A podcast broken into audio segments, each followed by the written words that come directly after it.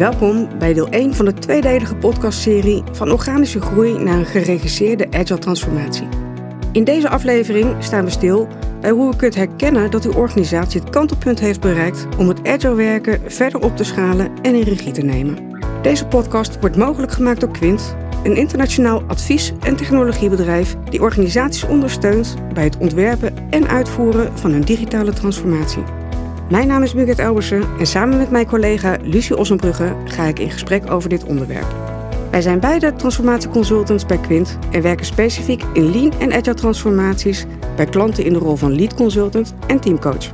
Laten we beginnen bij hoe zijn deze organisaties op dat punt gekomen? Ja, dat is natuurlijk eigenlijk nog voordat je überhaupt daarover gaat nadenken. Gaan we kantelen? Moeten we gaan kantelen? Begin je vaak met een agile initiatieven. Um, veel van uh, onze luisteraars zullen dat herkennen. Hè. Dat is een team wat agile wil werken, daar wat daarmee experimenteert. Misschien op zichzelf staand. Uh, misschien ook omdat er een product owner of scrum master in dienst is genomen. Omdat uh, blijkt dat teams dan meer over hun waarde gaan nadenken. Over hun dienst, over hun scope. En dan zie je dus dat het ene team met sprints werkt, een Jira-bord wordt ingericht, wellicht een Kanban-bord gebruikt. En dat daar heel veel experimenten ontstaan rondom een nieuwe manier van werken. En uh, soms twee weken cyclisch, soms drie weken cyclisch. Maar dat uh, verschilt heel erg per team. En die, die, teams die hebben dan ook vooral focus op hoe gaan wij ons eigen werk verbeteren. Dus een stukje focus op wat zijn onze prioriteiten, uh, wat kunnen wij voor onze eigen klant doen. Ja, dan is het een hele mooie bewustwording. Dus je merkt ook dat teams daar heel erg uh, gelukkig van worden. Ineens veel dichter op de klant zitten voor hun gevoel. Misschien is het nog niet eens het directe klantcontact en zitten daar nog luidjes tussen. Maar wel het idee daarover, wij leveren echt waarde aan iemand die dat gebruikt. En wij mogen daar zelf ook onze plannen voor schrijven. We mogen onze landschap zelf beheren of optimaliseren. Misschien automatiseren, dus ook met nieuwe trends meegaan. En die, en die kennis naar binnen trekken, waardoor je met elkaar veel sneller wordt. Hè? Dus dat is ja, op dat niveau, dat experimentstuk, eh, zijn teams heel erg op zoek naar autonomie en zich lostrekken van, van anderen en zich op zichzelf aan het richten. En we zien dan ook dat daar een stukje coaching vaak bij komt. Hè? Ja. Agile coaching, scrum masters die de teams begeleiden en faciliteren. Uh, om samen te kijken waar kunnen wij uh, in verbeteren en, hoe kunnen we dit nog klantgerichter, effectiever of sneller maken? Ja, heel veel. Dus je, vaak zie je ook dat agile coaches met name zich daarop focussen van um, hoe kunnen we de kennis borgen in een team. Hè? Stel dat je veel verloop hebt. Of hoe kunnen we de juiste rechten uh, binnen het team trekken zodat je niet te veel afhankelijkheden onderling hebt. En hoe gaan de meetings nou? Zijn die echt effectief? Worden teamleden daar gelukkig van? Hè? Heb je echt dat stukje continu verbeteren, continu leren geborgd in zo'n team? Zodat ze dan die snelheid zelfstandig kunnen maken daarna. Dat echt het wie wieltje gaat draaien. en dan zien we ook dat als dat wiel gaat draaien, dat andere teams denken: ja, maar dat wil ik ook. Ja. Dus dan zien we een olievlekbeweging over die nieuwe manier van werken. En zijn de volgende teams die zeggen: wij zouden ook wel met zo'n agile coach of met een nieuwe manier van werken aan de slag willen. Ja, en dat je dan eigenlijk zegt, oké, nou ja, als manager bijvoorbeeld, uh, jullie mogen dat ook. Hè, even mogen, natuurlijk kan je je als team altijd goed zelf organiseren. Maar wat er dan ontstaat, is natuurlijk ook een eigen planning. Dus je hebt per team dan een backlog en een, een sprintplanning. En dus ook per team een eigen focus, een eigen welke klant is het belangrijkst? Eigen prioriteitenstelling. En, en dat kan nogal botsen met een volgende team. Want je bent niet één start-up en je hebt direct contact met die ene klant, maar je bent een hele organisatie die of aan de bovenkant meerdere klanten hebt, of je hebt het geluk als team en kan zelf met diegene praten. Maar dan nog heb je vaak een tweede of een derde team nodig voor wat voor ondersteunende middelen dan ook, om tot één geheel uh, dienstlevering te komen. Dus als we met die teams samen uh, echt toegevoegde waarde willen gaan leveren voor de hele organisatie, dan ga je dus tegen een aantal beperkingen aanlopen. Ja, dat klopt. Dus je, we kunnen dan spreken over symptomen. Dus wat zie je dan gebeuren um, in je organisatie? En waarop zou je bijna een toets kunnen doen van dit gebeurt er allemaal, dus ik moet hier eigenlijk iets mee om een, volgende stap te kunnen zetten. We hebben daar een aantal, hebben we ook een beeld, maar het gaat heel veel daarover om die, om die muren die rondom zo'n team eh, ontstaan zijn, om, om de, focus van intern te uithalen. Dus dat je eh, de, de, de gaat ontdekken. Dus die backlog die hier staat, dat die aansluit op de prioriteiten van die backlog die daar staat, enzovoort. Maar ook... Uiteindelijk zijn dat de prioriteiten van de klant of de organisatie of ons product. Precies. Die optelsom moet kloppen. Dus eigenlijk is het niet alleen maar zo wat ik bedoelde, maar het is natuurlijk ook van bovenaf. Dus je hebt ergens een, een, een, een strategische klantvraag. Hè? Je hebt niet alleen maar wij willen bepaalde dingen behalen als team, maar een roadmap. En, en die moet weer aansluiten op al die teams. En dat kan niet iedere keer afzonderlijk uh, een afstemmingsmoment zijn, maar dat moet in één vloer door kunnen om snelheid te maken. Precies. Nou ja, andere dingen zijn natuurlijk ook, eh, ik noemde al Kanban en ik noemde al uh, sprintplanning. Nou ja, dat je gewoon uniformiteit wil. Dus dat je wil weten op welk moment is welk team nou klaar met een bepaalde taak of met een bepaalde opdracht. Daarvoor hoeven we niet allemaal hetzelfde manier van werken en dezelfde manier van mens te worden. Maar, daarvoor... het is wel fijn als we hetzelfde moment hebben bij op onze prioriteiten bijstellen. Ja, dat je in ieder geval een schaakmoment hebt dat je zegt van deze kant gaan we op en dan gaan we met, ons, met z'n allen ons aan commenteren. We zien het bij onze klanten ook, hè, dat als ze coaching krijgen en met het team zelf aan de slag gaan, dat er heel veel goede verbeteringen komen. Maar dat de focus op echt uh, impact maken op, op doelstellingen van de organisatie, dat dat nog wel eens uit het oog verloren wordt. Hoe dragen we nou in de optelsom bij aan het verbeteren uh, van onze klantbeleving of het efficiënter organiseren van onze processen? Als we ieder op ons eigen eiland blijven zitten, dan merk je toch dat de optelsom levert niet uh, wat we uiteindelijk willen bereiken. Ja, en dat is echt ook met voorzicht de volgende stap dan te nemen. Hè. Dus als je symptomen herkent, is het is natuurlijk ontzettend mooi dat teams zo autonoom werken en zich heel focussen op hoe worden wij als team sterker. Want daar draait het allemaal om. Als wij alle wieltjes goed en sterk hebben ingericht, maar ook weten wie is de zwakste schakel, dan zijn we als hele organisatie op een gegeven moment ontzettend stevig. Hè. We hebben echt een goed eh, fundament gebouwd. Eh, maar dan moet je eigenlijk zeggen, oké, dit wil ik niet kapot laten gaan, maar tegelijkertijd we moeten iets. Hè. We willen niet weer een nieuwe bureaucratie inrichten, maar toch een eenheid vormen. Dus we eigenlijk de organisatie zo gaan organiseren dat je de, die nieuwe manier van werken optimaal faciliteert. Ja, ja. En dat is wel het moment dat we het over een kantelpunt gaan hebben. Um, en, en, dat kantelpunt, uh, uh, nou, daar heb je iemand nodig die zegt: ja, um, dit kan anders, dit kan beter. En eigenlijk is de eerste stap dan om een transformatieteam te vormen. Niet heel formeel dat er een, een hele organisatie omheen moet komen. Maar wel iemand die zegt: ik ga wat mensen om me heen verzamelen. die samen met mij geloven in die nieuwe manier van werken. Ja. En dat ook samen uh, willen gaan uitdragen. Zowel naar het management toe, maar ook naar de teams toe. Ja.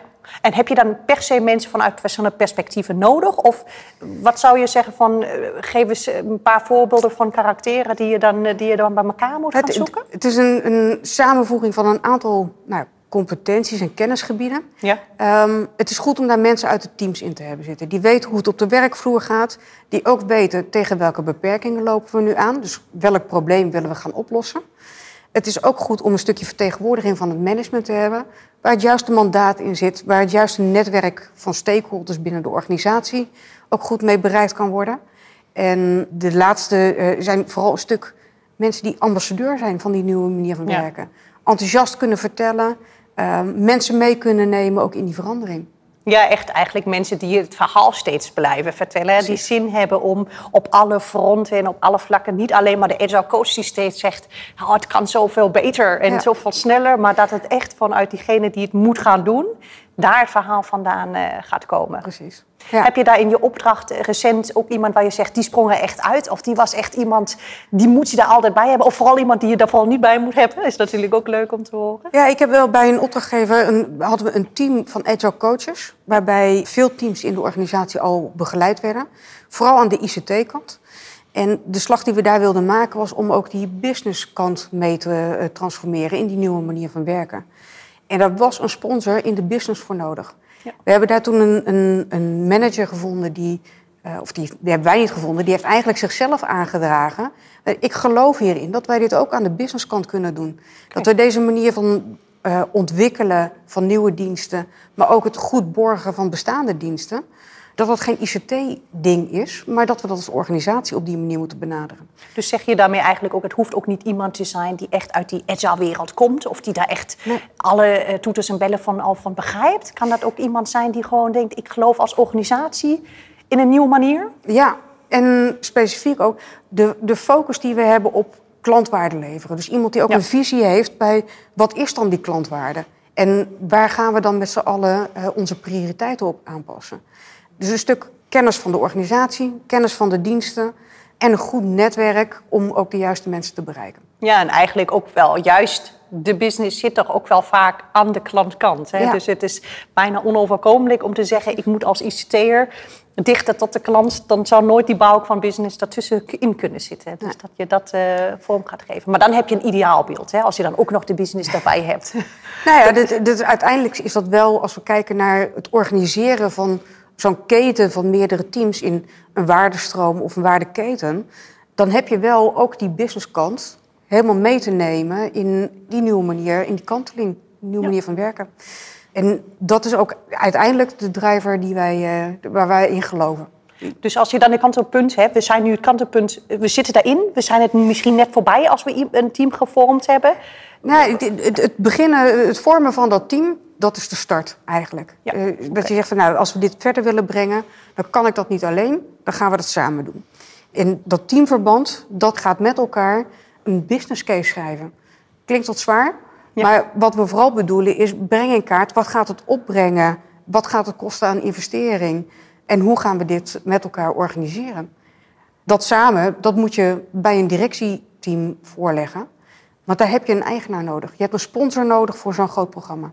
En het klinkt inderdaad wel heel erg traditioneel van... we hebben het team, vind ik, nog leuk gevormd aan alle kanten... en top-down en bottom-up. En dan een business case. Zijn, vaak zijn dat ook gewoon trajecten van een jaar... totdat zo'n business case tot stand komt en daar doorheen is.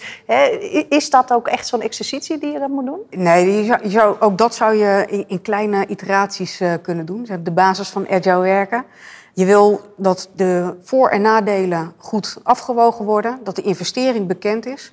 Maar dat kan ook op een paar A4'tjes zijn of een paar slides, zolang je maar het juiste verhaal daarbij kunt vertellen. Ja, en je noemde een eigenaar uh, op directieniveau. Ja. Um, dat is dus niet per se iemand die in het transformatieteam moet gaan zitten, maar dat kan dan nog een persoon extra erbij zijn? Of, um... Nou, je, je, zou het ook als een sponsorrol kunnen zien. Je hebt op het juiste niveau sponsorship, een commitment nodig van een, iemand die bereid is om te investeren. En samen met ons ook dat veranderverhaal gaat vertellen. Uh, waarom doen we dit? Wat willen we daarmee gaan bereiken? En dat veranderverhaal vertellen, dat ga je een tijdje lang vol moeten houden. Soort transformatie is niet iets van een paar weken of een paar maanden. We zien vaak dat zo'n complete transformatie tussen de twee en drie jaar duurt. Ja, en terwijl je dan juist zou zeggen, zo'n verhaal, ach, dat vertellen we een keer, daar hangen we een paar posters van op en dan, dan is dat het toch. Hè? Op welke momenten heb ik die eigenaar daar nodig? Of moet ik die triggeren en meetrekken in, uh, in mijn meetings om, om dit verhaal weer te gaan presenteren? Het, het is belangrijk dat er door de hele organisatie gevoeld wordt waarom we dit doen. Dat we dat niet doen omdat er één of twee mensen in geloven, maar dat we aantoonbaar impact kunnen maken op de doelstellingen die we als organisatie hebben. Ja. En daaraan kunnen blijven relateren. En dan helpt het als iemand vanuit de directie uh, dat verhaal begint te vertellen en samen met ons uitdraagt. Ja, toch ook niet alleen het teamverhaal, maar dat het echt een gedragen en gedegen hè, verandering is en stappen die we daarmee zetten. Dus we hebben... En daar gaat ook wel een stukje vrij, vrijblijvendheid uit. Hè? We hebben in teams geëxperimenteerd en geleerd. Maar als we zeggen, we gaan dit als organisatie doen, uh, dan is het ook de bedoeling dat iedereen in de keten meedoet. Ja. Uh, dus ook daarvoor is management commitment uh, belangrijk. En misschien tegelijkertijd ook weer de, als het verhaal goed verteld is, de toestemming van we stoppen wellicht met uh, volledig vrij te experimenteren, maar tegelijkertijd behouden we wel het goede wat op teamniveau nou juist is ontstaan. En dat daarna de nadruk op blijft. En dan heb je dus, eh, dus stel je hebt alle symptomen afgevinkt hè, en uh, ja, diagnose is gesteld, we moeten gaan kantelen. um, je hebt goede mensen gevonden in je team, of voor een team. Uh, je hebt in, met het team een business case geschreven, dus we weten in welke kleuren we de wedstrijd gaan strijden. En dan heb je dat voorgelegd, of misschien daarvoor al een hele stevige eigenaar gevonden. Dan ben je er, dan kunnen we de next step gaan zetten. Nou, dan ben je op het. Dat, dat samengevat is ons kantelpunt. Ja. Uh, waarbij uh, de uitkomst daarvan is, is: gaan we door als organisatie om uh, de transformatie in te gaan? Of we blijven nog een tijd in die fase van experimenteren. Er is geen tussenweg in. Dus als je het gaat doen, dan is het ook een dusdanige omvang dat je een programma op gaat starten. waarbij alle aspecten van die nieuwe werkwijze voor alle onderdelen in de organisatie meegenomen gaan worden. Ja, dus dan heb je het kantenpunt. Uh, klinkt al als een, echt een actieve set. Maar je zou ook nog bijna kunnen zeggen: je hebt daarin met goede mensen gewoon de toets welke stap gaan we echt zetten? Ja. En uh, als we het dan daarover hebben, welke stappen gaan we dan zetten, stel ik me zo voor dat we dan ineens alle teams moeten gaan opleiden en, en iedereen daarbij moeten gaan betrekken. Is dat dan niet ook een heel erg implementatieplan dan weer? Dat het twee jaar lang is uitgeschreven? En, of kunnen we gewoon zeggen van we gaan het weer iteratief aanvliegen en toch in de experimentatiemodus blijven? Ja, wat je, je begint met het trainen van dat transformatieteam. Want je wil zeker weten dat iedereen dezelfde taal spreekt. Dat we allemaal uh, een verhandelverhaal vertellen... wat dezelfde noodzaak en urgentie aangeeft. En dan is de eerste stap om te kijken... en hoe gaan wij ons organiseren? Wat zijn onze waardestromen? Welke, welke diensten of producten leveren wij nou aan onze klant... die voor hun toegevoegde waarde heeft? En dat is het startpunt van het organiseren van je transformatie. Het hoeft niet allemaal tegelijk. Het kan in fases. Maar wel zorgen dat we dan een keten als geheel aanpakken. Ja, dus als je hem samenvat, zeggen we van goh, we gaan toetsen op uh, symptomen. Hè? We hebben ze in het begin al even genoemd. Um, dus dat je gaat kijken of er echt inderdaad uh, muren of te veel muren om de teams heen zijn ontstaan. Um, we gaan een transformatieteam vormen um, dat dedicated is, uh, committed is en dol enthousiast om een volgende fase in te gaan. De business case kan zo zwaar en zo licht als dat je hem zelf wil, maar moet vooral. Wat is, wat, het moet voor jullie werken? De juiste lading zijn. ja, het moet vooral ook goed verteld kunnen worden. En dan uh, heb je drie stappen om het vervolgens in de praktijk om te zetten. Ja, als, we, als we de, de go krijgen, dan zijn dat de eerste drie stappen. Dus het trainen, het identificeren van waardestromen en het maken van een plan. Hoe gaan wij transformeren? Ja, ja. ja. Klinkt helder, dus klinkt overzichtelijk. Dus ik zou zeggen, ga vooral uh, je organisatie in en ga onderzoeken. Ben je er of uh, op welk moment sta je en hoe, uh, hoe nodig is een kantenpunt. Maar het kan nooit kwaad om te onderzoeken wat speelt er allemaal op team of op wat van ook van nu. Hiermee zijn we aan het einde gekomen van deze podcast. Dank u wel voor het luisteren. En heeft u vragen over dit onderwerp, kunt u mailen naar quint.quintgroep.com of bezoek onze website op www.quintgroep.com.